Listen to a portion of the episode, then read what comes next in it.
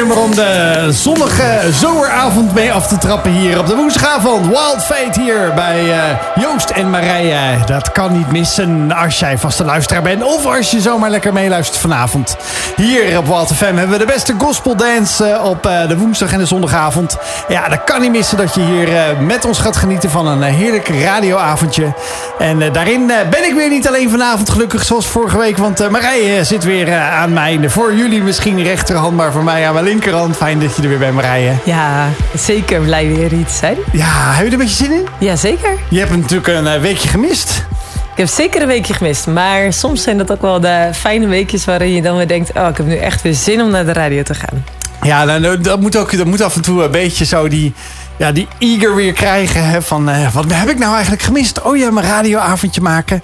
Nou goed, uh, dat zal uh, misschien niet je geluksmomentje zijn van Sto meteen. Want we hebben eerst natuurlijk even een introductie van onze ja, nieuwe studiogast van vanavond. Die wij altijd hier hebben bij Wild Fate. Dat kan ook niet missen als je het gewoon weet. Als je vaste luisteraar bent, dan nodigen wij altijd één of soms zelfs twee mensen uit. Afhankelijk van of ze alleen durven te komen, zou ik bijna willen zeggen. Maar vanavond hebben wij een, ja, een jonge dame hier. Ik zou bijna zeggen een uh, ambitieuze wereldverbeteraar die uh, graag haar uh, beste steentje bij wil dragen aan gerechtigheid internationaal. En ja, het is niemand minder dan Merel van der Ven. leuk dat je bent, Merel. Ja, dankjewel. Leuk om hier te zijn. Ja, Jij bent uh, ook iemand die op onze lijst, op onze list of fame uh, ja, bent gekomen of uh, komt. Want ja, we moeten het nog wel de komende twee uur met elkaar uithouden. Ja, zeker. Nou, dat komt vast goed. Ja? ja? ik heb er heel veel zin in. Is het je radiodebuut of ben je al vaker voor de radio? Niet mijn radiodebuut, nee. Ay, jammer. Maar wel hier mijn radiodebuut. Oké, dus. ja. Daar doen we het mee. Ja, nou, oké, heel goed. Nou, ik hoop dat je het naar je zin zult hebben vanavond. En uh, ja, wij beginnen altijd een uh, woensdagavond bij Wild Fate met... Het, uh... Wild Fate, geluksmoment. Geluksmomentje. Marije, vertel, vertel. Nou, ik was dan vorige week wel niet hier, maar ik was te gast bij Radio 5, bij de muzikale Fruitmand. En ik vond het zo super tof om eens een keer in de keuken van een andere radiostudio te kijken. Ja.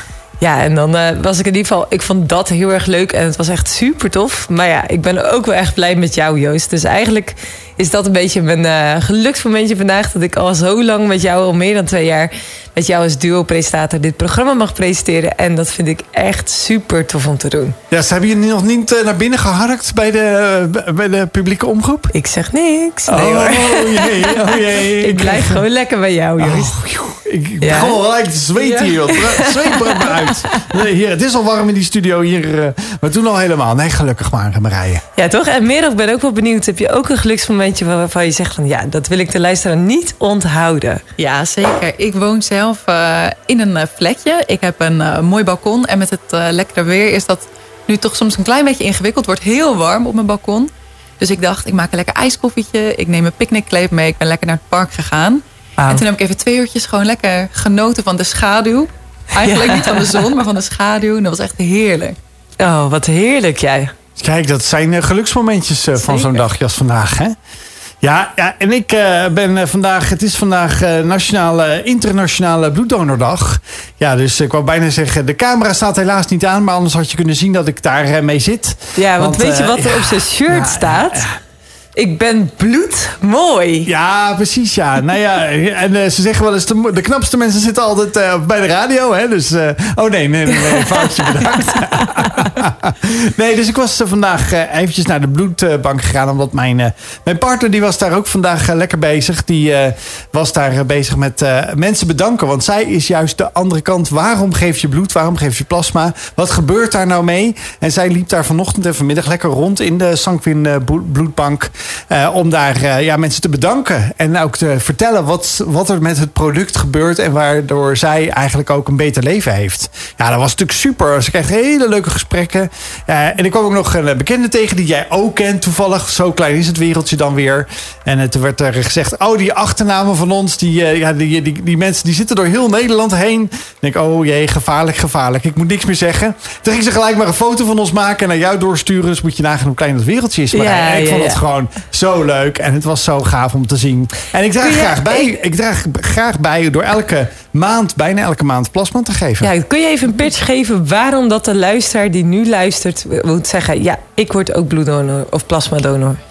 Ja, daar red je levens mee. En je weet nooit wanneer jou iets zou overkomen... waardoor jij ook dat bloed nodig hebt of dat plasma nodig hebt... omdat jij een per ongeluk betrokken bent in een ongeluk... of ergens het nodig hebt voor een medicijn of wat dan ook. Daar red je echt levens mee. En het is een, een, nog geen kwartiertje, 20 minuten voor bloed... en een, een klein uurtje voor plasma. Je wordt helemaal verzorgd in de watten gelegd. Je ligt lekker daar. Je kan lekker muziek luisteren, naar Wild Fate luisteren... op de woensdagavond als je er zou zijn. Je kan een krantje lezen. Kortom... En je krijgt nog gratis koffie en koek. Nou, daar is gewoon alles mee gezegd. Gewoon doen. Dus ga even naar sankem.nl en meld jezelf aan. Ja, zeker weten. Nou, eh, wij gaan in ieder geval vanavond weer de allerbeste gospel draaien hier op eh, Wild FM. eh, met ons programma Wild Fate. Heerlijk luisteren naar This is Love. Ja, we hebben vanavond eh, Merel van der Ven eh, bij ons eh, in onze studio. En ja, zij werkt in het dagelijkse leven, is zij werkzaam bij IGM, International Justice Mission. Maar ja, voordat we daar eens eventjes een beetje dieper in duiken, ben ik eigenlijk heel benieuwd eigenlijk, ja, wie is eigenlijk Merel? Ja,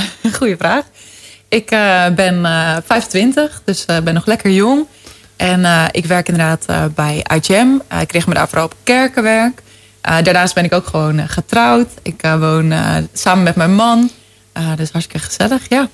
Nou ja, gewoon, gewoon, gewoon. 25 en al getrouwd, zou Ja. bijna sommigen zeggen. Dat is, daar was je er vroeg bij. Ja, ik, ik weet ook nog wel dat toen ik eh, vertelde dat ik verloofd was... dat eh, mijn manager van eh, mijn stage toen vroeg... Oh, gefeliciteerd, maar waarom doe je dat eigenlijk? Oh ja. Oh, echt waar? dus die keek wel even naar op, ja. ja. En waarom doe je dat eigenlijk? Nou ja, in alle eerlijkheid, ik eh, vind eh, mijn mannen gewoon heel erg leuk. Eh, en we waren al best wel lang samen. En we dachten, nou, niks lijkt ons mooier om aan elkaar trouw te beloven. En met elkaar een leven verder in te gaan. Nou, heel leuk. En is je man ook betrokken bij het internationale gerechtigheidswerk? Nou, hij is natuurlijk sowieso door mij betrokken. Dus ik vertel hem de verhalen. En daar krijgt hij wel wat van mee. Hij doet verder niet voor zijn werk iets erbij. Of, maar eigenlijk gewoon door mij hoort hij het. En vertelt hij het ook weer door. Kijk, dat zijn nou de allerbeste eh, ambassadeurs, hè, toch, eh, Marije? Ja, dat is zeker natuurlijk zo. Als ze daar de passie voor jou hoort, eh, dan, dan is dat een mooie boodschap die dat weer verder vertelt. Ja. En maar eh, even voor degene die denken IGM, International Justice Mission, waar heb je het over? Wat is dat voor organisatie? Ja, wij zijn een organisatie eh, die zich bezighoudt met het bestrijden van moderne slavernij en geweld tegen mensen die kwetsbaar zijn. Ehm, ja, we zijn van eh, origine een Amerikaanse organisatie. Eh, daar zijn we begonnen, maar inmiddels werken we eh, in ruim 18 landen echt in het veld. En daarnaast hebben we nog kantoren zoals in Nederland, waar we ons meer richten op awareness, het verhaal vertellen, fondsenwerving. Is het nodig om het verhaal te vertellen? Heel erg. Ja. Maar waarom? Nou, op dit moment zijn er naar schatting ongeveer 50 miljoen mensen die vastzitten in moderne slavernij. Dat is gewoon drie keer Nederland. Ja, en dat is dus gewoon, ja, zoveel zijn er nog nooit geweest uh, in de geschiedenis.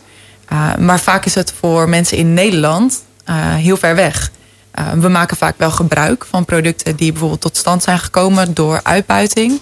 maar het is niet iets wat we dagelijks zien als we naar ons werk rijden. Of dat we iemand zien die uitgebuit wordt. Dat is iets wat heel indirect gebeurt. Ik hoor wel dat in Nederland ook wel eens mensen uit een restaurant weggeplukt worden. Omdat ze daar dus illegaal aangesteld zijn. En dat er dus in Nederland ook gewoon sprake is van mensenhandel. Zeker. Ja, nee, ik bedoel ook niet inderdaad dat er geen sprake is van mensenhandel of uitbuiting in Nederland. Maar het is iets wat niet zo zichtbaar is. Ja, ja. Uh, dus dat bedoel ik. Ja. En neem ons eens mee. Wat, wat, waar moet je aan denken? Je zegt, uh, we werken in 18 landen uh, in het veld. Mm -hmm. uh, wat komen jullie dan tegen? Wat voor vormen zijn er dan van slavernij?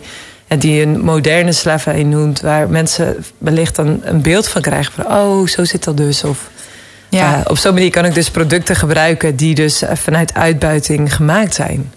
Ja, een van de sectoren eigenlijk waar veel uh, uitbuiting in voortkomt, is de seksindustrie. Uh, dat is iets waar veel uitbuiting plaatsvindt. Dat kan zijn door uh, online materiaal, dus bijvoorbeeld livestreams. Um, dat kan zijn van volwassenen, maar we zien het ook veel van kinderen. Uh, dat uh, pornografische beelden worden gemaakt. En dat mensen bijvoorbeeld in Nederland daarvoor betalen om, uh, om dat te zien. maar we zien ook dat gezinnen vastzitten in steenfabrieken. die worden daar eigenlijk naartoe gelokt met een belofte voor goed werk, waar ze goed betaald krijgen. Um, sluiten een lening af met een boekenrente. komen nooit van die lening af en zitten dan jaren vast met het hele gezin. Uh, worden soms zelfs kinderen geboren. Weer een nieuw gezin. Uh, die blijft in die situatie zitten. Zo, dus dan zit je echt vast gewoon als je daar dus Ja. ingetrapt bent. Van we hebben een goede toekomst voor je, waarbij je dus eigenlijk alles verliest wat je lief is. Ja, ja klopt. En eh, daar is het dan in, in die gevallen met een gezin. Maar je ziet ook vaak dat ouders bijvoorbeeld hun kind eh, meegeven aan iemand. Ehm, ook met de belofte op bijvoorbeeld eh, scholing. Of ze zeggen dat ze familie zijn. eh, wanneer ze bijvoorbeeld daarna terechtkomen in de visindustrie waar ze worden uitgebuit. Dat zien we bijvoorbeeld in Ghana. Zien we dat veel gebeuren. Ehm, dus het heeft zo ontzettend veel verschillende vormen. En, en waar doelde je net op van, hè, we kunnen dus onbewust eigenlijk producten gebruiken die vanuit uitbuiting ontstaan zijn. Ik, ik zou het zelf ook wel, ik ben er zelf eigenlijk ook wel benieuwd naar van, eh, ja, eh, kan ik daar ook bewuste keuzes in maken? Hoe kom je er eigenlijk achter dat dat ook het geval is? Er zijn best wel eh, wat dingen waar je op kan letten. Je hebt een beetje de klassieke voorbeelden. Chocola, bananen, rijst. Dat zijn de dingen die vaak wat bekender zijn eh, bij mensen. Je kan daar heel erg op letten. Op bijvoorbeeld een Fairtrade label. Dat je weet van hé, dat is de betere optie om te kopen. Maar bijvoorbeeld vis noemde ik net natuurlijk ook even. Dat is ook iets waar veel uitbuiting eh, bij komt kijken eh, op eh, sommige plekken. Dus door te kijken van hé, waar komt mijn vis vandaan, kan je ook zien is de kans aanwezig dat bijvoorbeeld uitbuiting bij is geweest. En daarnaast kleding is denk ik ook een heel goed, goed voorbeeld. Ik denk dat we ja, allemaal de verhalen wel hebben gehoord van de fabrieken. waar mensen voor ontzettend weinig beloning eigenlijk aan het werk worden gezet. Van nou, onlangs nog van een bedrijf dat volgens mij 4 cent per kledingstuk uh, maar betaalt aan de mensen die voor werken. Kun je nagaan wat wij er in Nederland voor betalen? Je, je hebt natuurlijk echt wel ketens waar natuurlijk bizar lage prijzen worden gerekend voor kleding. Dat je echt denkt, huh, ja. is het überhaupt mogelijk? Je kun je het in ieder geval niet zelf maken.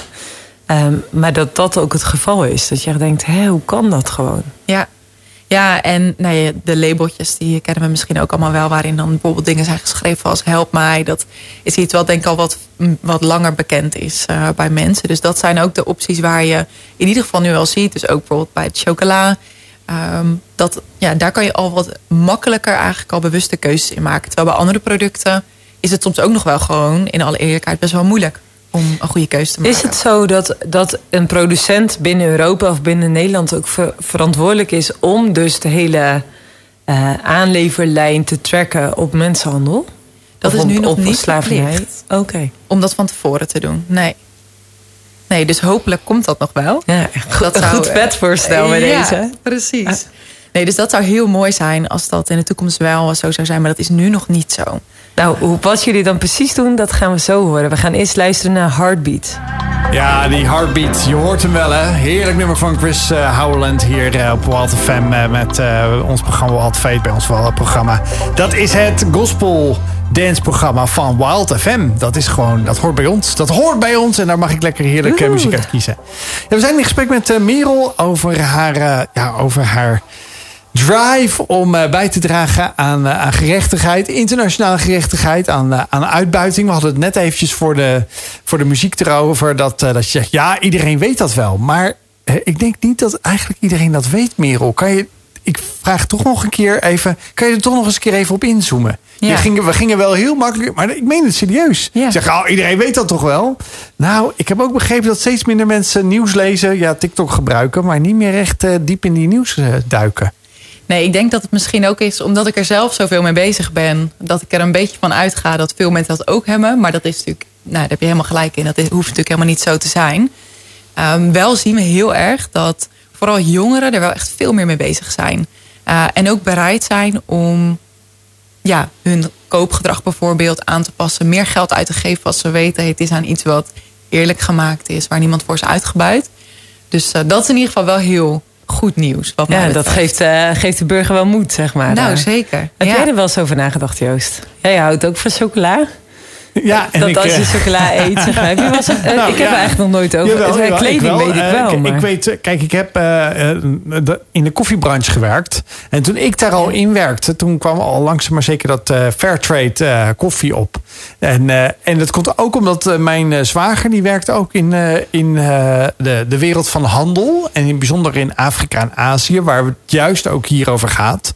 Over dit thema. trouwens Europa ook waarschijnlijk. Maar mm -hmm. in mindere mate dat het zichtbaar is, dat hij ook heel bewust met boeren en dergelijke een eerlijke prijs af ging spreken. Nou, dat bijna de boeren van hun stoel vielen. Dat ze zeiden: serieus, krijg ik dit per kilo of per weet ik veel zak of per 50 kilo uh, meel of uh, cashewnoten of, of uh, macadamia noten die we hier allemaal in die gezonde zakjes hebben zitten en bij de supermarkt kopen. Dus ja, dat weet ik. En ik ben ook inderdaad, ik ben niet zelf in zo'n land. ik ben in Cambodja meerdere keren geweest en ook langs de Nike, of een van de Nike-achtige fabrieken gereden. die, die daar ook die uitbuiting ja, helaas neerzetten. En dan denk ik bij mezelf: van, we betalen hier in het Westen 150 euro voor die schoenen. En ja, er blijft zoveel hangen bij de handelaar en bij de, en, en bij de tussenhandel. En daar natuurlijk, iedereen wil een boterham. Maar dat begint erbij dat ook degene die ze maken juist een goede boterham verdienen. Maar dat is wel interessant, hè? Want dit raakt natuurlijk ook uh, het thema boeren in Nederland. van, hè, mensen zeggen van hè, er is geen eerlijke prijs. Uh, uh, moet, dan ben ik altijd benieuwd van hem, maar wie bepaalt dan uiteindelijk hoe dat, dat verdeeld wordt? Is dat de consument die zegt, is nu eenmaal wat ik ervoor Nee, dat, dat zijn de aandeelhouders. Want even een voorbeeldje. Hier in Nederland, hè, dan hebben we het over uitbuiting. Als het gaat over de boeren. Eh, ik, ik werk zelf in een van onze kantoren staat in Barneveld. En dan kom ik daar één keer in de week. Dan haal ik daar eitjes uit een automaat. Dus er zit al een, een handelaar in. En dan koop ik gewoon tien grote mega eieren voor 2,20 euro. En er stond heel netjes op, laatst recent. Daar hebben ze heel lang volgehouden 2 euro. Maar dus werd gezegd, ja, we kunnen gewoon de, het voer, elektriciteit niet meer betalen. Dus we moeten wel omhoog. Ga ik naar een willekeurige grote supermarktketen. Dan betaal je geen 2 euro meer voor een doosje eieren. Check, inderdaad, Merel. dus ik, de goedkoopste eieren, die staan daar serieus voor een, een 4,39 euro, 4,80 euro. Dus dan denk ik, oké, wacht even, in hetzelfde land... Uh, wacht even, waar gaat dat geld dan heen? En wij zeiden als collega's, ja, dat is echt niet alleen maar omdat het in een vrachtwagentje moet worden geladen naar een distributiecentrum en ergens anders. Ik weet wel waar ik me volgende keer mijn eieren ga bestellen, ja? Joost. Ja, die kan ik altijd voor je meenemen als, je, als we elkaar weer hier treffen. nou, dus, mensen, uh... dus als je eieren wilt uit de omgeving Barneveld, ja. stuur ons een berichtje via onze WhatsApp. Uh, maar ook, het is ook goed voor jezelf om erover na te denken: waar heb ik er überhaupt wel eens over nagedacht? Van, wat vind ik dan een eerlijke prijs voor dingen? Ben ik dat zoals zoals stelt, bereid om meer te betalen voor iets waarvan ik weet hè, dat dat gaat ook eerlijk richting de producent of de boer of degene die dat ook uh, aan bijgedragen heeft. En uh, laten we daar ook als consumenten ook echt alert op worden, zodat we ja, daarin ook de mensen, hè, die 50 miljoen mensen die ook uitgebuit worden of die als slaven ergens werken, ook op die manier ja, een, een, uh, ondersteunen of in ieder geval hun rug dekken. Van hey, weet je, we willen dit stoppen, maar dat begint eigenlijk op alle fronten. Ja, ik, wil, ja. ik wilde nog zeggen, Merel, want ik zeg natuurlijk wel van... ik ben, lees misschien ook meer nieuws of hoor niet meer nieuws dan het gemiddelde. Maar ik weet dat recent uh, een duurder kledermerk zei van... nou, wij doen niet aan de uitbuiting. Maar uh, toen ze de ook vanuit de, de media of vanuit de onderzoeksjournalistiek mm -hmm. uh, de, de, de ja. tracks of de, hè, de, de route gingen, track, uh, gingen uh, achterna lopen, gingen tracken. Toen bleek dus dat het uit dezelfde fabrieken kwam als waar ook de, ja, de, de Primark en de Zara, dus die ook bekennen dat ze eigenlijk ook daar hun kleding halen, ook daar vandaan komt. Ja. Ja, en het is gewoon heel ingewikkeld om zeker te weten dat er geen uitbuiting in je keten voorkomt. Omdat er gaan zoveel verschillende stukjes die zeg maar in zo'n proces zitten. Uh, dus soms weten, denk ik, bedrijven het ook gewoon niet zeker. En daarom is het denk ik heel belangrijk dat ze van tevoren gaan zorgen dat ze zeker weten dat het niet zo is. In plaats van dat je achteraf door bijvoorbeeld uh, journalisten erachter komt... dat je toch misschien niet zo goed voor elkaar hebt als je eigenlijk dacht. Ja, en dat is wel echt heftig. Dus ik, ik ken een uh, Zwitser, hij heeft een, een, kledingmerk... en hij laat het maken in Peru. Mm. En hij deelt, ik heb met hem ook al een gesprek over gehad... van hoe, hoe sluit je dat dan uit, ook met materialen en zo... En uh, dat is echt moeilijk om, om ja. echt te weten, het is schoon, zeg maar. Gewoon ook in hoe de stoffen gemaakt worden. Mensen kunnen zeggen, het is schoon. Um, waarbij ze iets anders doen dan dat ze met jou bespreken. Dus, dus ook dan, hè, dat is niet altijd van uh, laat je ja ja zijn en je nee nee. Uh, in internationale zaken doen, dat is, maakt het ook echt wel eens lastig. Dat je een andere afspraak maakt dan dat de realiteit is. Ja, en het is waarschijnlijk ook altijd het geld. Het gaat uiteindelijk om geld, denk ik ook. Ja, ja, uit, ja uiteindelijk wel. Want je wil een zo goedkoop mo mogelijk product eigenlijk kunnen aanbieden. Uh, dat willen mensen. Ehm, maar de vraag is dan natuurlijk ook, ja, is dat het waard? Want iemand betaalt de prijs. En als jij het niet bent, dan is dat iemand anders. En ik denk dat dat iets is waar we misschien ook vaak ons ogen voor sluiten. Uh, dat we het ook niet willen weten. Want nou ja, het is best wel makkelijk om ons ogen voor te sluiten.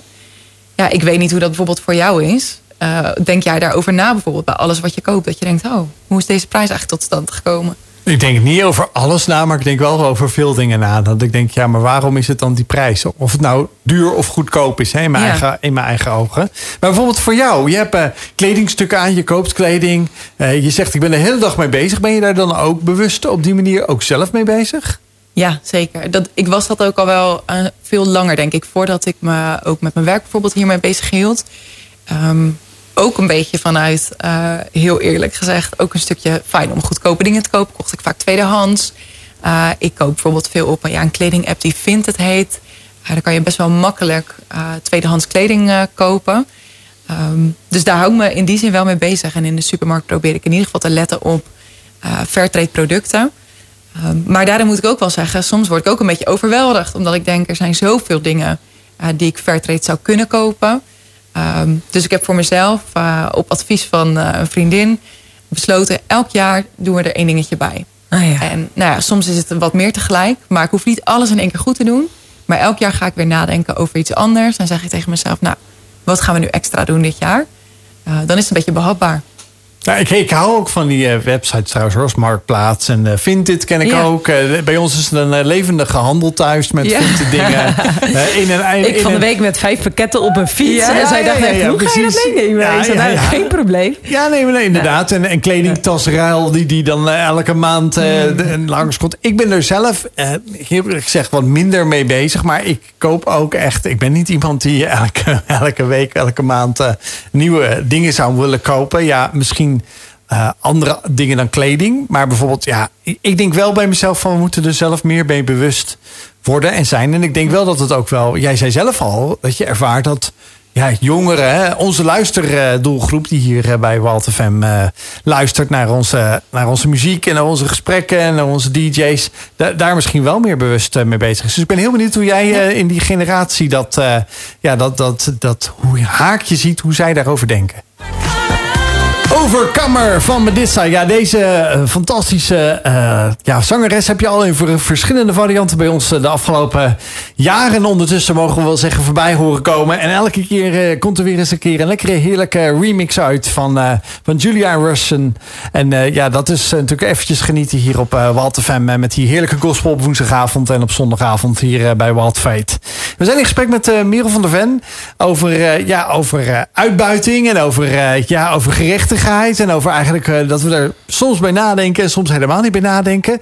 En toen uh, zeiden we eigenlijk net van, uh, ja, toen zei Merel eigenlijk een beetje van, ik denk eigenlijk dat de, dat de generatie een, een twintigers, begin twintigers er nu echt wel heel anders in staan. Maar ik ben heel benieuwd hoe je daar, ja, zelf als twintiger, maar hoe je dat ook ervaart in je eigen omgeving, hoe jullie erover over nadenken.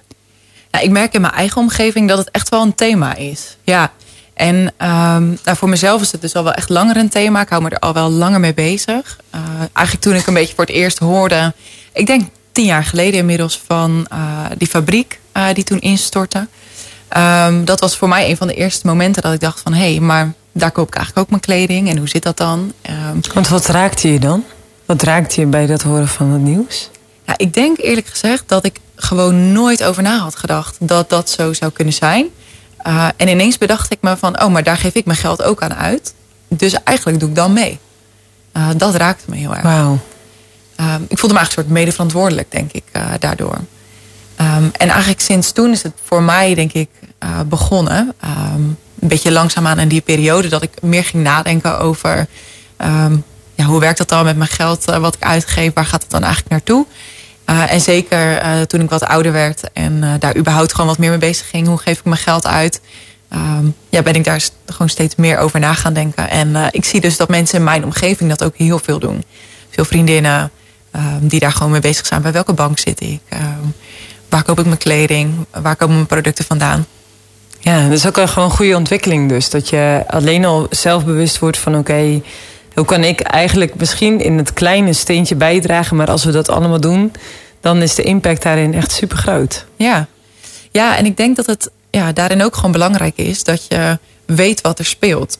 Ehm, ik wist uh, een aantal jaar geleden echt niet dat er zoveel mensen nu nog in slavernij vastzitten.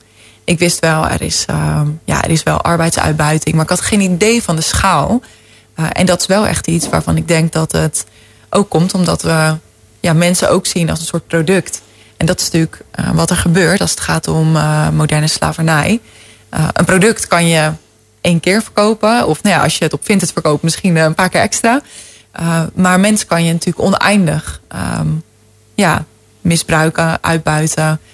Um, een mensenleven lang. Om te doen wat je wil, om te zorgen dat jij daar winst op kan behalen. Um, ja, op, ja. op, op 1, uh, op 1 juli is er uh, Keta Kotti. Dat is, dat is eigenlijk over de slavernij. Um, dan gaan we misschien dit jaar iemand sorry zeggen als een koning of als een pre premier Rutte. nee, die zeggen sorry voor het verleden.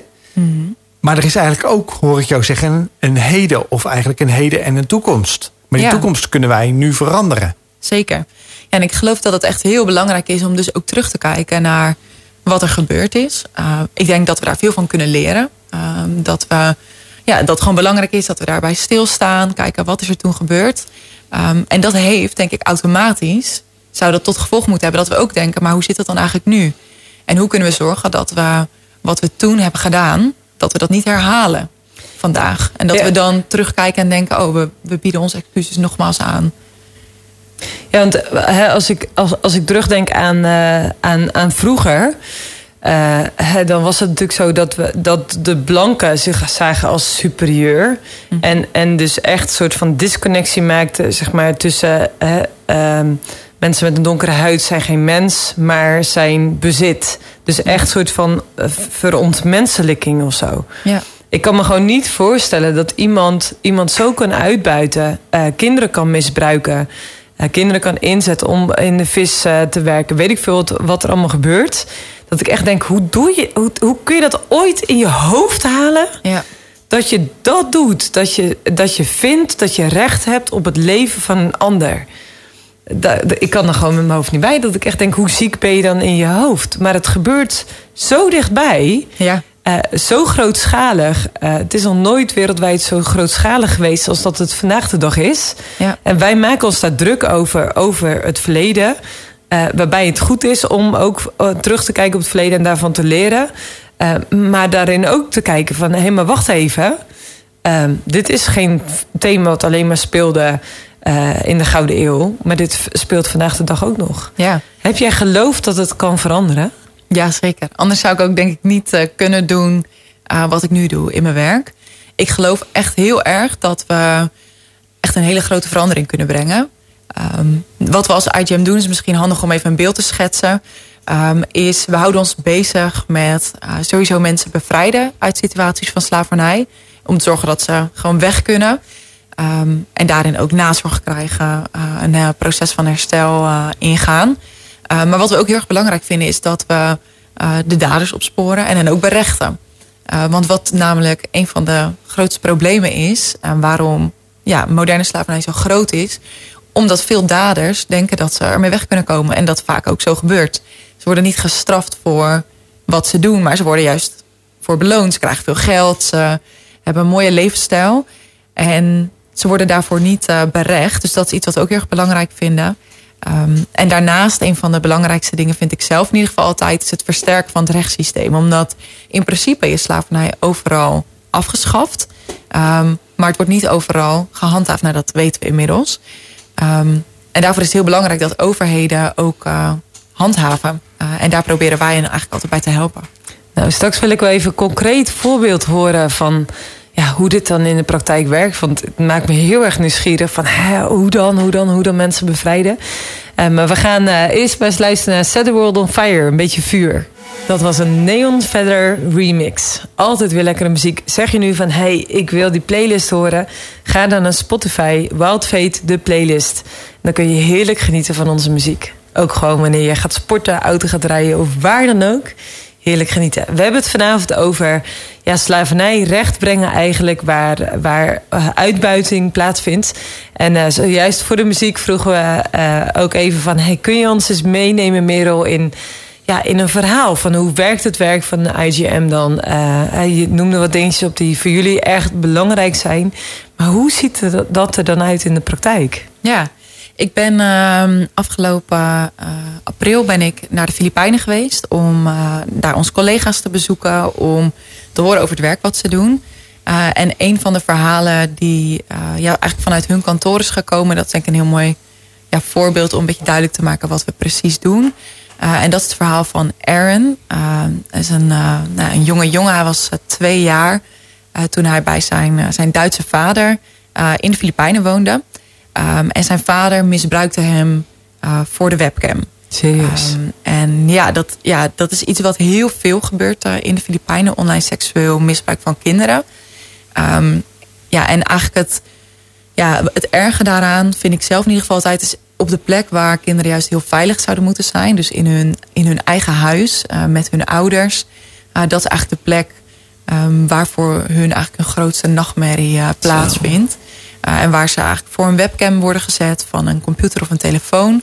Uh, om uh, nou ja, um, beelden van seksuele uitbuiting te maken voor voornamelijk mensen hier in het Westen.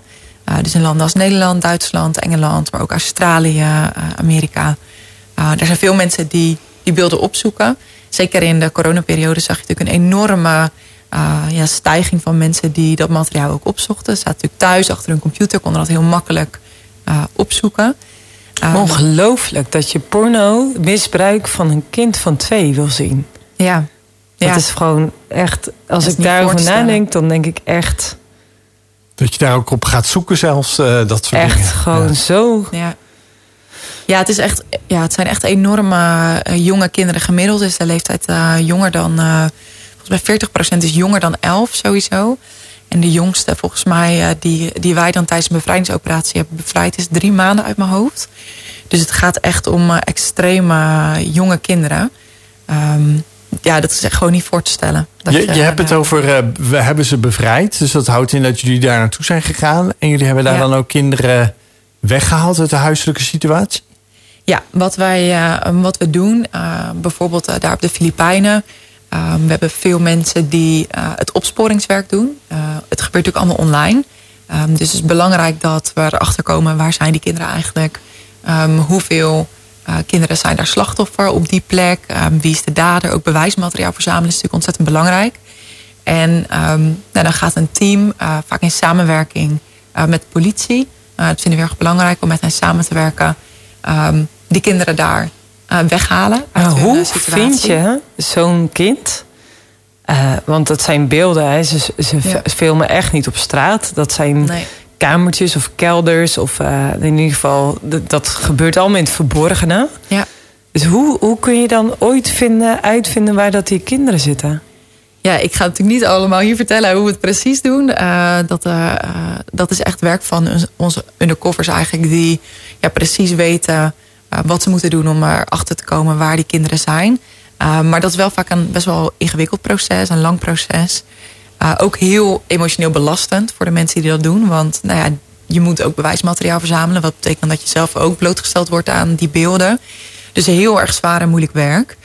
Maar gelukkig hebben we in de afgelopen jaren echt wel methodes ontwikkeld om die kinderen ook op te sporen.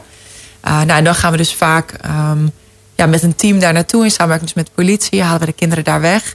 Um, en we proberen ze in eerste instantie, uh, als het kan, uh, altijd bij een pleeggezin te plaatsen. Die echt getraind zijn om dit soort kinderen uh, op te vangen. Die daar gewoon training voor hebben gehad. Die ook extra begeleid worden. Um, en als dat niet kan, gaan ze naar een opvangtehuis. ja, waar ook eigenlijk social workers zitten die helemaal getraind zijn om hen goed te kunnen begeleiden. En in ja, in de tussentijd worden ze vaak ook voorbereid op uh, een rechtszaak die er dan vaak uh, aankomt. Wat natuurlijk ook ontzettend ingewikkeld is. Als bijvoorbeeld je eigen moeder uh, je heeft uitgebuit en ja, je tegen haar moet getuigen. Het is toch je eigen moeder. Ja. Um, dus daarin ja, bieden we ook begeleiding om dat zo goed mogelijk te kunnen doen. Um, dat is wel heel erg belangrijk. En uiteindelijk ja, vinden we het ook wel belangrijk dat ze dan dus die straf ook daadwerkelijk krijgen.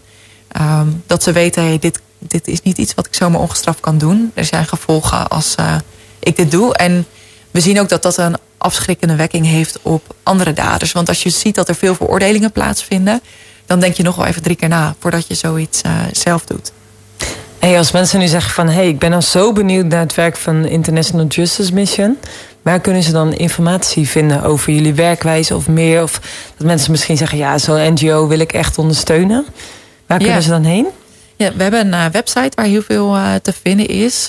Um, dat is uh, ijmnl.org, dus ijmnl.org. En daar kan je eigenlijk alle informatie vinden over ons werk. Ook het verhaal van Erin is daar terug te lezen... als je dat nog eens goed in detail terug te lezen. Nou, we zijn straks uh, na de ver, uh, verplichte plichtplegingen, zoals we wel eens zeggen, weer bij je terug. Ik ben ook erg benieuwd ook wat jou drijft om dit werk ook te doen. En uh, nou ja, ik zit al op puntje van mijn stoel om er meer over te horen. Ja, dit is Retain en met Broken Vessels hier op Wild FM met ons programma Tweede uur van Wild Fate hier op een heerlijke zomeravond. en daar genieten wij heerlijk van. Ik hoop jij ook en ja, dat je ook van deze lekkere muziek kan genieten. Want hij komt in de ja, midden hartje zomer komt hij ook ook uh, een, een, paar uur bij ons uh, in gesprek. Maar ik kan je verklappen dat er alvast uh, ja, iets heel tofs tegen die tijd ook aan zit te komen. Want, ik heb het nu al zin in, Ja, ja, dit is een van de betere gospel DJ's van Nederland. En ja, hij kan ook echt een waanzinnig toffe gig draaien. En wie weet gaat hij daar wel wat mee doen. Maar ik moet niet te veel verklappen. Want we zijn vanavond nog in gesprek met Miro van der Ven. En zij werkt voor International Justice Mission. En is helemaal gepassioneerd om ja, het bij te dragen aan het, het goede leven, aan het beste van, van, van elk mens. En uh, in bijzonder de mensen die uh, in uitbuiting leven. En ja, ik ben heel benieuwd hoe ze dat tweede uur er gaat inkleden met de verhalen die ze misschien ook nog meer weet. Want ze vertelde best wel een heftig verhaal net voor het journaal over ja, de, de, een ervaringsverhaal, erva ervaringsverhaal wat ze heeft meegemaakt op, op de Filipijnen. Dus ik ben heel benieuwd wat je ons nog meer gaat delen. Maar bij ons is altijd de tweede uur een heel bijzonder uur. Namelijk, wij gaan die tijdmachine En wij gaan ons klaarmaken. Jij gaat ons meenemen in een reis door de Bijbel. En waar ga je ons mee naartoe nemen, Merel? Ik ga ons meenemen naar heel ver terug, naar Exodus. Exodus, hoor. Dat is een van de allereerste Bijbelboeken van het Oude Testament. Ik ben heel benieuwd. Waar landen wij? Waar gaat die deur open? Vertel ons, neem ons mee. We landen midden in de woestijn. We landen bij Mozes. Mozes die uh, is uit Egypte gevlucht. En hij woont nu al een tijdje bij zijn schoonvader Jethro. En is bezig met het hoeden van de schapen in de woestijn. Hij is gevlucht uit Egypte. Um, waar de farao, die toen de heerser was, hem wilde vermoorden. Uh, en zijn volk, de Israëlieten, die zitten vast in Egypte. En hij is gevlucht. Hij woont nu in de woestijn. En dan plotseling ziet hij ineens een doornenstruik die in de brand staat. En het gekke is dat de doornenstruik niet in vlammen opgaat, maar hij blijft branden. Maar hij wordt niet verteerd door het vuur. Dus Mozes denkt, ik ga hier naar kijken. Wat gebeurt daar? En hij komt dichtbij en dan ineens hoort hij een stem. En dat is de stem van God die Mozes roept. En zegt Mozes, Mozes, kom niet dichterbij. Dit is heilige grond waar je op staat. Doe je schoenen uit. En hij gaat in gesprek met God. En God die stelt hem eigenlijk de vraag om het volk uit Egypte uit te leiden, uit slavernij. Want dat is waar het volk in zat. Ze zaten in een situatie waarin ze werden uitgebuit om te werken voor de Egyptenaren. En Mozes weet, waarom zou ik dat doen? Want de farao wil vermoorden. Mijn eigen volk hoeft me niet te zien. En toch vraagt God dat aan hem. En hij gaat in gesprek. En ja, eigenlijk stelt hij de vraag: wie ben ik? Ik ben maar een uh, man die gevlucht is. Ik uh, ben daar totaal niet geschikt voor. Ik kan dat helemaal niet. En dan zegt God tegen hem: Ik zal bij je zijn. Hij zegt dus eigenlijk tegen Mozes: Het maakt niet uit dat jij denkt dat je niet geschikt bent. Want ik ben bij je en ik zal uiteindelijk het werk doen. Maar ik wil het wel samen met je doen. Je gaat het niet alleen doen. Ik zal voor je zorgen. En dan gaan we samen het volk uit Egypte bevrijden. Nou, we hadden het al even over Retain, een goede DJ van Nederlandse bodem. Maar ja, Roberto Rosso, ik weet wel, ik ben een keer naar een optreden van hem geweest. En daar gingen echt de voetjes van de vloer. Ja, bij, Want, bij eh, Roberto weet je gewoon wanneer het een nummer van hem is. Dat kan gewoon niet missen. Voor degene die hier eh, af en toe lekker meeluisteren hier bij Walt Feit, hier op uh, Walt FM. Ja, we zijn een uh, dance station geworden. Dus ja, dan mogen we natuurlijk ook daarin uh, onze Nederlandse dance gospel artiesten natuurlijk ook een podium geven hier. Heerlijk. Nou, ik ben in hoor. Maar Merel, je deelde net een verhaal over Mozes. Zijn volk leefde ook in slavernij. Nou, we hebben het vanavond over moderne slavernij. Dus wellicht een thema wat jou ook echt aan het hart gaat. Misschien ook wel die roep van Mozes van... Hè, ga mijn volk bevrijden, ga het volk bevrijden... en breng ze naar het beloofde land. Ja. Uh, een verhaal wat staat uh, in Exodus. Daar begint Exodus zelfs ook mee. Uh, voor als mensen zeggen van... hé, hey, ik wil dat nog eens nalezen. Ja. Exodus is het tweede boek van de Bijbel. Dus je kunt gewoon helemaal aan het begin beginnen. Kan makkelijk vinden. Ja, je kan het makkelijk vinden. En het is ook echt wel boeiend wat er allemaal gebeurt. Want als je nadenkt over... Hè, kan God zichzelf manifesteren? Kan hij grote dingen doen? Mm -hmm. Nou, bij die hele uittrek uit Egypte... gebeuren er echt bizarre dingen. Ja. dan openbaart God echt ja, zijn bovennatuurlijke kracht. Mm -hmm. Dus als zeg je van, nou, ik zou wel dat soort verhalen willen lezen, nou, dan is dat zeker een aanrader. Ja. Waarom heb je dit verhaal uitgekozen om met ons te delen vanavond? Ja, ik denk dat het een van de verhalen is waarin je heel erg ziet wat uh, Gods hart is voor mensen die vastzitten in slavernij. Het gaat natuurlijk in het verhaal om zijn eigen volk. Um, maar wat ik heel erg mooi vind, is dat God ook tegen Mozes zegt: Ik heb mijn volk gezien. Ik heb hun jammerklachten gehoord, staat er dan. Um, en we lezen dat hij zich dat aantrekt. Dus soms dan kan ik wel eens voor mezelf, als ik uh, hoor over alle dingen die er in de wereld spelen, um, ja, een beetje moedeloos worden en denken van, ja, als er dan een God is, kan hij dan niet even wat doen? Of maakt het hem dan allemaal niks uit? Um, en hierin vind ik heel mooi dat we lezen dat God zich ook laat raken en dat hij het ja, dat hij het echt dat hij medelijden heeft met zijn volk en de situatie waar ze in zitten. Um, en dan is zijn geniale oplossing, als het ware, is om Mozes te vragen om het volk uit Egypte te bevrijden. Terwijl hij zichzelf helemaal niet capabel voelde van. Uh, nee, nee zo, hij, dat ga ik even doen. Nee, hij vraagt ook: ja, wie ben ik? Waarom, uh, waarom zou ik dat moeten doen? Ik ben misschien wel de minst geschikte persoon uh, om dat te doen.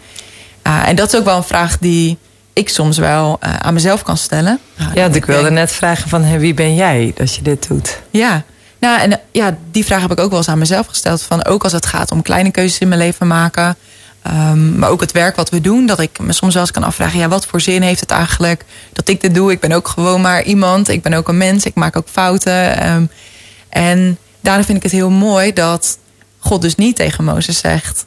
Nee, maar je bent geweldig en je kan dit. En come aan, weet je wel. Uh, je moet het doen. Maar God zegt, ik ben bij je.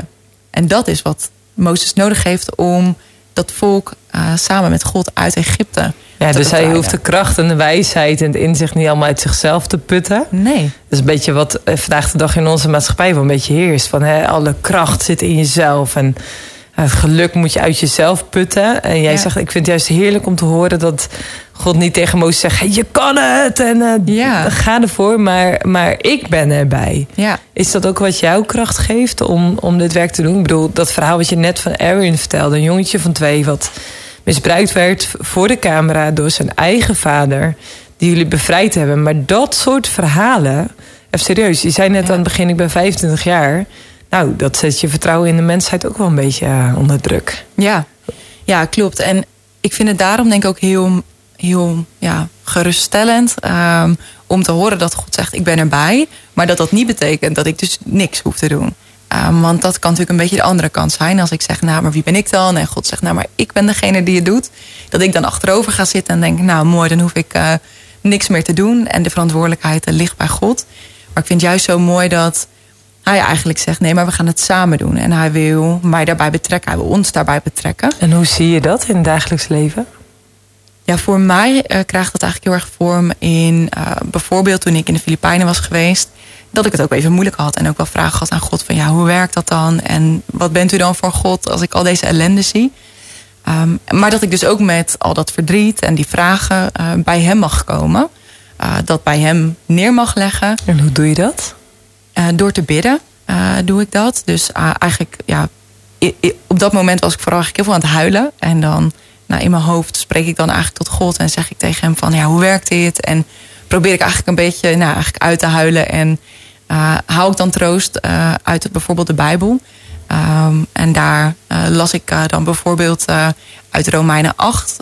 in het Nieuwe Testament las ik daar dat er staat dat het lijden van deze tijd, van vandaag, in geen verhouding staat tot wat ons in de toekomst geopenbaard zal worden.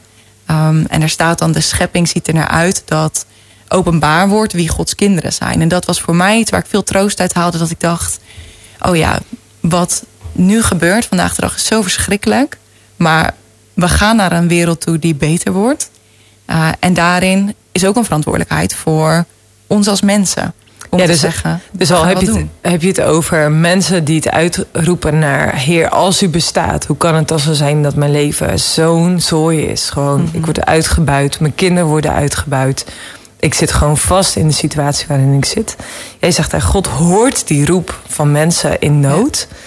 Um, en hij nodigt ons als mensen ook uit om daarin, je noemde dat met moeilijke woorden, het openbaar worden van de kinderen van God. Ja. Dus eigenlijk bedoel je daar denk ik ook mee in, in normale taal van dat, dat als je als christen zijnde daarin van betekenis kunt zijn en bijvoorbeeld voor een organisatie als IDM gaat werken of ook echt praktisch nadenken over hoe kan ik anders kiezen uh, om dit ook tegen te gaan en ook bewust in wat ik wel of niet koop, ook daar keuzes in te maken.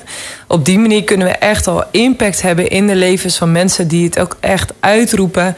Uh, en het mooiste is natuurlijk als ze bevrijd worden, als rechtssystemen ondersteund ja. worden, uh, als politieagenten getraind worden, als er samengewerkt wordt om ook echt dit op te sporen, zodat ja, alle kinderen, mensen die in slavernij zitten, ook bevrijd worden. Ja, ja klopt. Ervaar je dat ook echt? Dat jij wellicht het antwoord kunt zijn met al je collega's op de, de roepen naar, van mensen naar God. Heer, als u dan bestaat of als ze God kennen. Heer, hoort u mijn roep? Ervaar je dat ook echt zo? Ja, ik geloof wel echt dat uh, God, dus net zoals uh, in het verhaal met Mozes, um, ervoor kiest om mensen te gebruiken. Um, om ja, ook voor andere mensen die eigenlijk hem aanroepen en vragen van, oh God, um, bevrijd mij. Het, volk wat ook riep uh, van, Heer, bevrijd ons van de Egyptenaren. Um, dat hij dus mensen gebruikt. Uh, en daarin denk ik dat nou, hij ons ook roept. Um, nou ja, ik voor mezelf, maar ook bijvoorbeeld mijn collega's... om in actie te komen, niet stil te zitten... en te zeggen van, we gaan niet wachten tot het beter wordt... maar we komen in actie. En dat hij op die manier antwoord geeft aan degene die uh, dat aan hem vragen. En wat als iemand luistert en zegt... Maar ik roep het ook uit naar God. Ik zit ook in een situatie, misschien niet in het thema van slavernij, mm -hmm.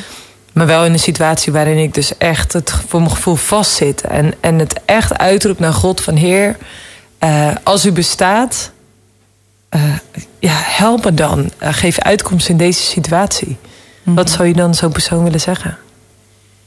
Ja, ik geloof echt, en dat zien we in dit verhaal, maar ook op andere momenten in de Bijbel, dat God echt een God is die mensen ziet, die dus ook met ze bewogen is, die de pijn voelt die je voelt, en dat hij echt een plan heeft met het leven van alle mensen, dus ook met jouw leven. En dat hij daarin ook uh, in actie wil komen. Dat geloof ik echt. Supermooi. Ja, en volgens mij is Merel uh, trots op dat ze gewoon ook uh, ja, bij Jezus hoort en daarover mag vertellen en kan vertellen. Uh, en dat je dat ook nog in je dagelijkse werk ook kan gebruiken om daarin je stukje geloofskracht en passie te gebruiken. je had het over IGM Internationale Organisatie. Ja. collega's, kan, kan, je daar eens wat meer over vertellen? Want ja, ik denk internationaal Nederland-België, dat is ook al internationaal. Ja, we zijn iets groter dan dat. We uh, zijn oorspronkelijk uh, een Amerikaanse organisatie. Daar, uh, ja, onze oprichter die, komt daar vandaan. Dus nou ja, zodoende. en inmiddels zitten we op elk continent eigenlijk. over de hele wereld. Werken op verschillende plekken. Werken in Azië, Afrika, Europa, Latijns-Amerika. Nou, noem het maar op. Um, daar werken we allemaal. Dus ja, je had, het, eh, je had het ook in het eh, eerste uur in het verhaal uh, over de Filipijnen. Dat je uh, ja, niet hmm. vertelt hoe, uh, hoe jullie te werk gaan. Maar wel dat er echt wel gedegen onderzoek wordt gedaan. En dat ja, jullie mensen niet alleen bevrijden uit de moderne slaverij, slaver, slavernij. Maar ook gewoon eigenlijk degene die eh, ja, de dader zijn willen berechten. Dus dat jullie dat ook met politie doen. Ja. Eh, je had het over de Filipijnen. Nou zijn er vaak veel meer van dat soort landen daar eh, ja, in ieder geval seksuele uitbuiting heel makkelijk is. Doen jullie dat alleen op, op het gebied van dat stukje? Of doen jullie dat ook op een ander vlak, de, de hele researchwerk? Naar bijvoorbeeld, eh, ja, ik noem maar kleding maken of, of koffie verkopen of, of dat soort dingen. Ja, we doen in principe, eh, hanteren we eigenlijk dezelfde aanpak voor eh, bijna alle soorten eh, ja, casework, zoals we dat dan noemen, die we doen. Ehm, dus nou, ik noemde bijvoorbeeld eerder ook al eventjes Ghana, waar veel uitbuiting is in de visindustrie. Ehm, wat daar eigenlijk gebeurt, is dat vaak jonge kinderen ehm, of verkocht worden door hun ouders, of ja, onder valse voorwenselen worden meegenomen naar het Volta-meer, heet dat dan. Eh, dat is het eh, grootste meer wat door mensen gemaakt is ter wereld. Een ondergelopen vallei. Ehm, en kinderen zijn daar ja, eigenlijk heel handig, om het zo maar te zeggen. Omdat eh, er zijn veel bomen onder water. Dus de netten komen vast te zitten. En kinderen hebben kleine handen waarmee ze de netten makkelijk kunnen losmaken. Dus die worden daar dan ja, op die manier ingezet. Dagenlang aan het werk. En die kinderen moeten natuurlijk ook gevonden worden. Ehm, dus dat gaat natuurlijk net iets anders dan kinderen die in de Filipijnen eh, online ehm, worden uitgebuit. Ehm, maar ook die kinderen moeten we, moeten we vinden. Dus er wordt ook onderzoek naar gedaan. Uh, en ook hen uh, halen we weg uit de situatie. En ook de daders daar willen we berechten. Dus ja, die methode is in die zin eigenlijk overal bevrijden, berechten en het versterken van het, van het rechtssysteem. Maar even serieus, hè? wat bezielt een ouder dat hij zijn of haar kind verkoopt? Dat vind ik een van de moeilijkste vragen, denk ik. Ja, die ik me wel heb afgevraagd, zeg maar, uh, in ons werk. Vaak uh, hoor je dan bijvoorbeeld, ja, het is ook armoede. Um, er is niet echt een andere keus. Um, ja, ik stel mezelf dan toch altijd de vraag van, ja, maar hoe, hoe kan dat dan de beste optie zijn? Zeg maar, zijn voor mijn gevoel nog zoveel andere opties die je eerst kiest. Um, wat niet het, het, verkopen van je kind is of het misbruiken van je kind. Um, maar daarin is dus ook dat stukje straffeloosheid. Dus dat daders uh, niet uh, ja, gestraft worden voor wat ze doen. Een van de dingen waarvan we weten, dat is een reden waarom het veel gebeurt. Want er is geen consequentie aan het uh, verkopen van je kind. Het is zelfs, als ik het goed heb, in Ghana zo dat een visnet duurder is dan een kind op het uh, Voltameer. Dus ja, dat is natuurlijk echt ja, niet voor te stellen. Nee. Ik heb ook al eens gehoord dat, uh, uh, dat, dat als je kijkt naar Midden-Azië, dat daar ook heel erg veel gedaan wordt. Dat uh, meisjes meegestuurd worden om te werken in de seksindustrie, zodat ze ook thuis naar gel geld op kunnen sturen naar huis. Mm -hmm. En zo eigenlijk de boel daar onderhouden. Dat het gewoon eigenlijk ook te maken kan hebben met dysfunctionele gezinnen, omdat ouders geen werk hebben of uh, uh, dat een vader niet wil werken omdat het kind geld moet opbrengen en dat ze blij zijn als ze een dochter hebben.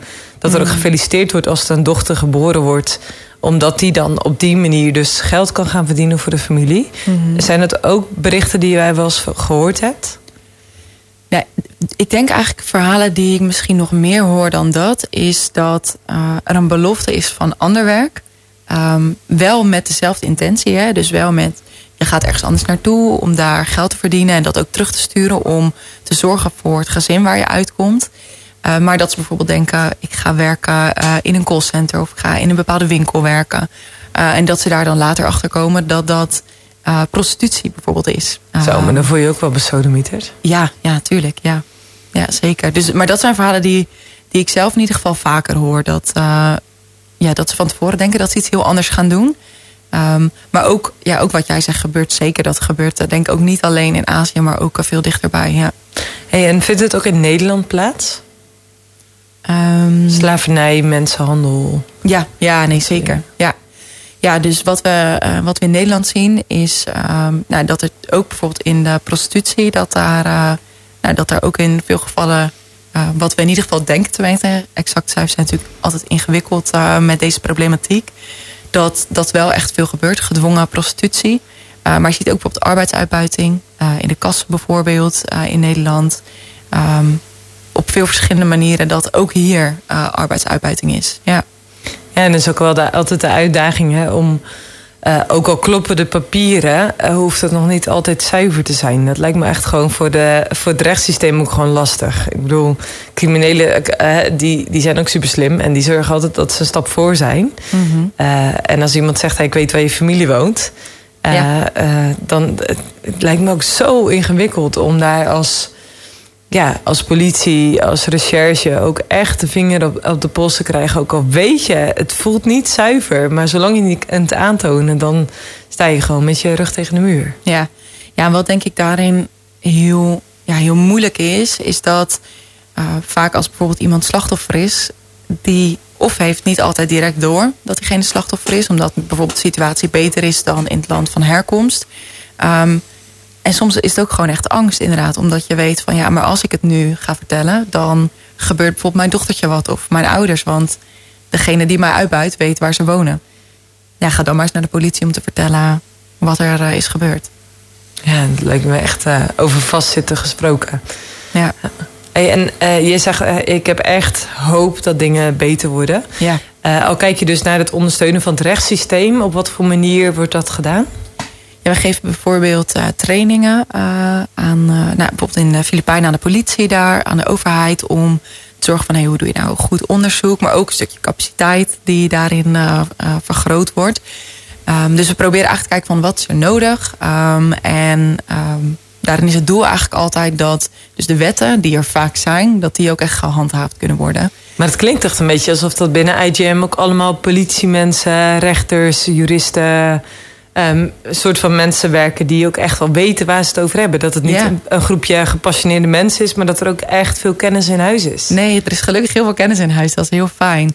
Eh, in de Filipijnen bijvoorbeeld ook heel veel van mijn collega's daar zijn bijvoorbeeld eh, advocaat, ehm, eh, veel social workers. Ehm, dus ja, dat zit gelukkig heel erg goed qua kennis. En we zien dus gelukkig ook dat het echt gewoon werkt wat we daar doen. We hebben daar eerder een project gehad wat zich richtte op commerciële seksuele uitbuiting. Dus echt in eh, de bordelen daar, in de barren. Uh, en daarin zagen we dat uh, ja, uit mijn hoofd rond 80% uh, afname was van minderjarigen die te koop werden aangeboden voor seks. Zo. nadat we daar een aantal jaar aan gewerkt hadden. Dus ja, het is allemaal heel verschrikkelijk en dat vertel ik natuurlijk ook. Maar ik geloof dus ook echt dat het beter kan worden, omdat we ook al gezien hebben dat dat echt zo kan. Ja, dat is echt wel, uh, dat geeft veel moed voor, voor de dag van morgen. Ja. Dat was Eric Tryland met Without You. Nou, we zijn vanavond in gesprek met Merel van der Ven. Zij werkt voor de organisatie IGM. Een indrukwekkende organisatie met een bizar grote missie. Uh, ze vertelt enorm gepassioneerd over het werk wat ze doen... om de moderne slavernij ook tegen te gaan. Niet alleen door mensen te bevrijden uit slavernij... maar daarnaast ook juist te kijken van... Hey, hoe kunnen we het rechtssysteem ondersteunen? Hoe kunnen we politieagenten en wie dan ook trainen ook om op te sporen, uh, te berechten... zodat we ook echt zien dat criminelen daar gewoon andere keuzes in gaan maken... en zich realiseren, ik kan dit niet zomaar ongestraft doen... maar dat we recht mogen brengen. Ja. En je deelde ook over uh, wie, uh, dat, dat je christen bent. Mm -hmm. En ik ben ook wel heel erg benieuwd uh, van... Ja, wie is God dan voor jou? Hè? Ben je ook christelijk opgevoed? ja, waarom Ja. is het zo'n grote drijfveer eigenlijk ook in je leven... om met hem te leven? Ja, ik ben zelf inderdaad christelijk opgevoed. Dus eigenlijk vanaf jongs af aan uh, hoorde ik al over, over God. Las ik verhalen in bijvoorbeeld de kinderbijbel... waar je eigenlijk op een hele laagdrempelige manier ja, leest over de verhalen die in de, in de Bijbel staan. Had je een lievelingsverhaal? Uh, oh, dat is een goede vraag. Ik uh, weet niet eigenlijk of ik een lievelingsverhaal had. Nu heb ik wel um, ja, een beetje met fases lievelingsverhalen. Dus ik vind... Uh, uh, ja, bijvoorbeeld Daniel, uh, een uh, mooi Bijbelboek. ja, een boek wat ik heel erg mooi vind, waar ik vaak in lees. Um, maar ja, ik vind het moeilijk om te kiezen. Het verandert heel erg met de tijd eigenlijk altijd. Op dit moment dus het verhaal wat ik eerder al vertelde over Mozes in Exodus. Um, waarin hij eigenlijk geroepen wordt om het volk uit Egypte te bevrijden met God. Um, is op dit moment een van de verhalen die een beetje favoriet is. Ja. En uh, uh, je zegt, ik ben christelijk opgevoed. En hoe, heb je nog een tijd gehad dat je echt dacht... nou ja, dat christelijke geloof... kan me allemaal wel zijn... maar ik leef even gewoon mijn eigen leven... of heeft het je altijd wel bezig gehouden? Ik denk dat het me altijd wel heeft bezig gehouden. Wel in fases. Dus nou, sommige fases was ik er niet heel erg intensief mee bezig. Was misschien wat meer op de achtergrond. Of ja, misschien eerlijk gezegd ook wel een stukje meer gewoonte. Gewoon vanuit de opvoeding... Um, en toen ik ging studeren, toen kwam voor mij denk ik ook wel echt de tijd dat ik zelf ging nadenken van, nou, ik ben hier dat mee opgevoed. Uh, maar wat denk ik eigenlijk nou zelf over? Um, geloof ik het eigenlijk überhaupt wel? Um, belangrijke vraag. Um, en dus ook de vraag, maar wie is God dan eigenlijk? Uh, wat is hij voor God? Want heel veel mensen die hebben het over een God. maar wie is dan de God waar ik in geloof? wat en, was je conclusie? Wat, wat ontdekte je? Ik ben denk ik nog niet helemaal uh, uitgezocht uh, over wie God. Ik weet ook niet eerlijk gezegd of ik ooit precies zal weten wie God is. Maar uh, ik leer hem steeds een stukje beter kennen. Um, maar voor mij is God nu um, een vriend. Um, iemand waar ik mijn problemen bij kwijt kan. Waar ik bij uit kan huilen. Waar ik mijn vreugde mee kan delen. maar dus ook een God die een plan heeft. Dat is iets wat ik ja, wat ik heel erg geleerd heb ook over God. Dat God niet een God is die uh, nou ja, hoog in de hemel zit en kijkt van een afstandje en zegt: We zien het allemaal wel weer en uh, ooit kom ik terug en dan uh, wordt het wel weer beter. Geeft dat hoop of richting aan je leven? Of waarom is dat zo treffend voor jou? Voor mij geeft dat heel veel richting aan mijn leven. Ja. Dat er iemand, in ieder geval iemand een plan heeft of dingen in controle heeft. Ja, ja en dus ook dat zijn plan ook ons inhoudt. Um, dus hij is niet een God die zegt: Ik weet het allemaal beter en uh, ik ga het doen. Terwijl dat misschien wel zo is. Um, maar dat nou, de God waar ik in geloof ook echt een God is die zegt: Ik wil samen met jou werken aan een uh, betere wereld. Um, en daar heb je bepaalde talenten voor gegeven. ik denk ook een van de redenen waarom ik dit werk mag doen, is omdat nou, ik echt ja, een bepaald gevoel gekregen heb bij deze thematiek. Waarvan ik geloof dat het ook het gevoel is wat nou, God daar misschien ook wel over heeft. En dat hij dat ook aan mij eigenlijk bijna als een soort cadeau gegeven heeft. Van hé, hey, zo kijk ik daarnaar. Kun je dat duiden? Wat is dat voor gevoel? Ja, ik zeg altijd een beetje, het klinkt een beetje verdrietig misschien, maar um, ook wel een gebroken hart. Uh, als ik kijk naar bijvoorbeeld het verhaal wat ik net vertelde. Um, dat is gewoon heel. Ja, van Aaron van uh, nou, die situatie van seksuele uitbuiting. Um, dat ik ook geloof dat God dat ook ziet en dat zijn hart ook breekt. Um, en dat mijn hart wordt gebroken.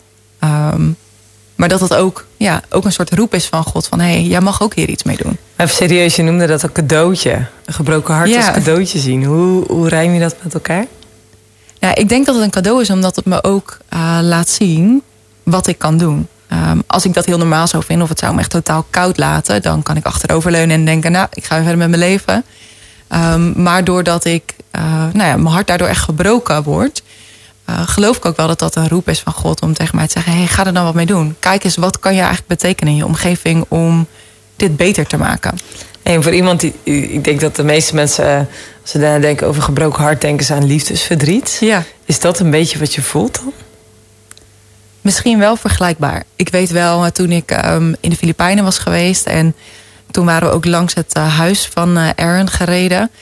Uh, dat ik toen terugkwam in mijn hotelkamer en toen moest ik echt zo hard huilen. En toen voelde ik ook echt een, ja, echt een fysieke pijn in mijn hart. En dat voelde wel echt een beetje als hoe ik denk dat liefdesverdriet zou voelen. Um, dus dat is misschien wel een beetje vergelijkbaar. En dan gelukkig um, is God dan dus voor mij uh, iemand waarbij ik dan dus kan uithuilen. Uh, eigenlijk uh, misschien als uh, je vader of moeder of je vriend of vriendin waar je goed mee bent, je troost nadat je hart dus gebroken is als je liefdesverdriet hebt. En voel je dat ook echt? Voel je dan ook echt getroost? Of is het de gedachte dat hij dat ziet? Een beetje van allebei. Dus soms is het meer de gedachte. en haal ik er hoop uit dat ik weet, hij is er en hij ziet me. en soms dan is het ook echt een gevoel dat ik geloof, oh, hij is nu echt hier bij mij en hij troost me. Um, dus dat verschilt heel erg per situatie. En, en met het werk wat je dan doet, hè, je hoort dan dagelijks wellicht van dit soort verhalen. Uh, helpt dan je geloof daarin ook om, om dan wel positief te blijven of wel vertrouwen te houden? Want ja, wat ik net al zei, je hebt echt alle voer in handen om echt wel volledig teleurgesteld te raken in de mensheid. Dat mensen dit mm. doen en zo lugubere dingen uithalen met kinderen, met andere mensen. Ja. Gewoon bizar ja, voor mij is dat wel echt iets wat me heel veel hoop geeft. Ik weet eerlijk gezegd ook niet of ik het werk met dezelfde hoop zou kunnen doen als ik God niet had.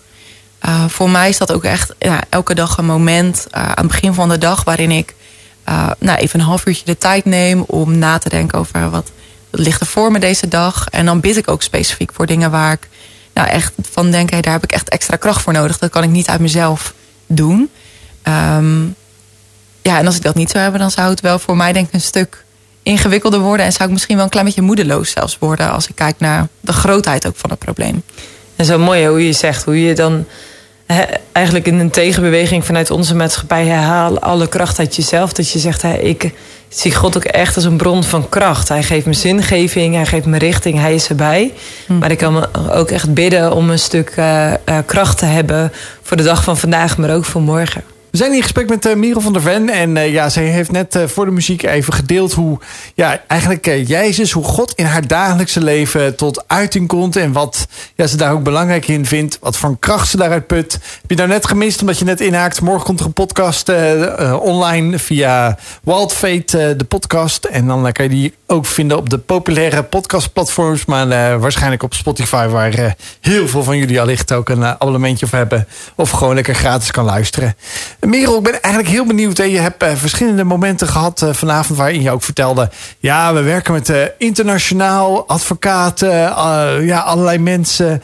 En dan denk ik, oké, okay, wow, wow, dat zijn dure krachten allemaal. Inclusief ja. jezelf natuurlijk, een kantoor hier in Nederland, overal ter wereld. Ja. dat zal wat kosten. Ja. En wie, ja. en wie bekostigt dat? Ja, nou, het scheelt natuurlijk. Um, we hebben mensen gewoon zelf in dienst. Dus we hoeven uh, daarin gelukkig niet bijvoorbeeld heel veel advocaten extern in te huren. Dat scheelt natuurlijk al een hoop. Um, maar eigenlijk zijn een aantal dingen heel belangrijk voor ons. Uh, als het gaat om hoe de organisatie draaiende blijft. Uh, een van die dingen zijn gewoon mensen die ervoor kiezen om maandelijks te doneren. heel veel mensen hebben daarvoor gekozen wereldwijd. Dus dat is natuurlijk heel erg mooi. en een groot deel van onze inkomsten komt daar vandaan. Uh, maar we hebben bijvoorbeeld ook fondsen um, die uh, geld geven aan ons, bedrijven, organisaties die zeggen van hé, hey, we vinden jullie werk echt super belangrijk uh, en wij willen als organisatie nou, daaraan bijdragen. en die doen dat dan door geld te geven. En dat geld geven, dat, dat gooi je de lucht in en dan komt dat vanzelf via een postduif bij jullie? Ze maken het vaak over via de bank, dus dat is mooi. Oké. Okay. en dat kan je dan vinden via IGM. Ja. .nl of igm.org? Ja, je hebt igmnl.org. Dus dat is alles maar dan bij elkaar. Uh, en daar kan je Freedom Partner worden, zo noemen we dat. Uh, en daarin kan je dus eigenlijk zeggen van... Joh, door maandelijks een bepaald bedrag te geven... word ik eigenlijk ook onderdeel van... Nou ja, al die mensen, die beweging wereldwijd... die zegt van... hé, hey, wij kiezen ervoor om niet weg te kijken... maar wij kiezen ervoor om nou, onze middelen in te zetten... om te zorgen dat steeds meer mensen in vrijheid kunnen leven.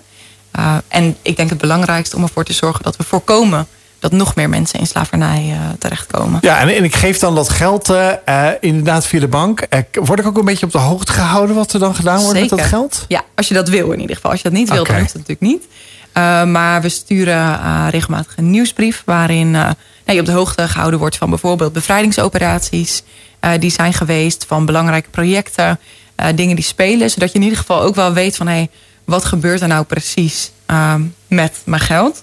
Uh, en natuurlijk kan je ook bijvoorbeeld altijd dingen, als je daar geïnteresseerd in bent, een jaarverslag staat op onze website, een makkelijke versie, waar je een beetje kan zien van hé, hey, wat gebeurt er dan precies uh, met dat geld. Ja, en je bent zelf uh, verantwoordelijk voor de kerken in Nederland. Ja. Nou, er zijn nogal wat kerken. Volgens mij zijn dat Zeker. niet honderden, maar duizenden, tienduizenden. Ja, er zijn er genoeg. Ja, maar wat, wat, doe je eigenlijk even kort? Want het is nog maar een elevator pitch van een paar minuten. Maar even, ja. wat, wat, wat, wat, kun, wat doe je? Of wat, wat zijn die kerken? Hoe zijn ze betrokken? Ik deelde natuurlijk eerder al eventjes over uh, het verhaal hè, van, van Mozes... waarin God hem roept om nou ja, onderdeel te zijn van het plan... om zijn volk uit slavernij te bevrijden. Uh, en ik geloof dat uh, nou, dat ook de roep is voor de kerk vandaag de dag.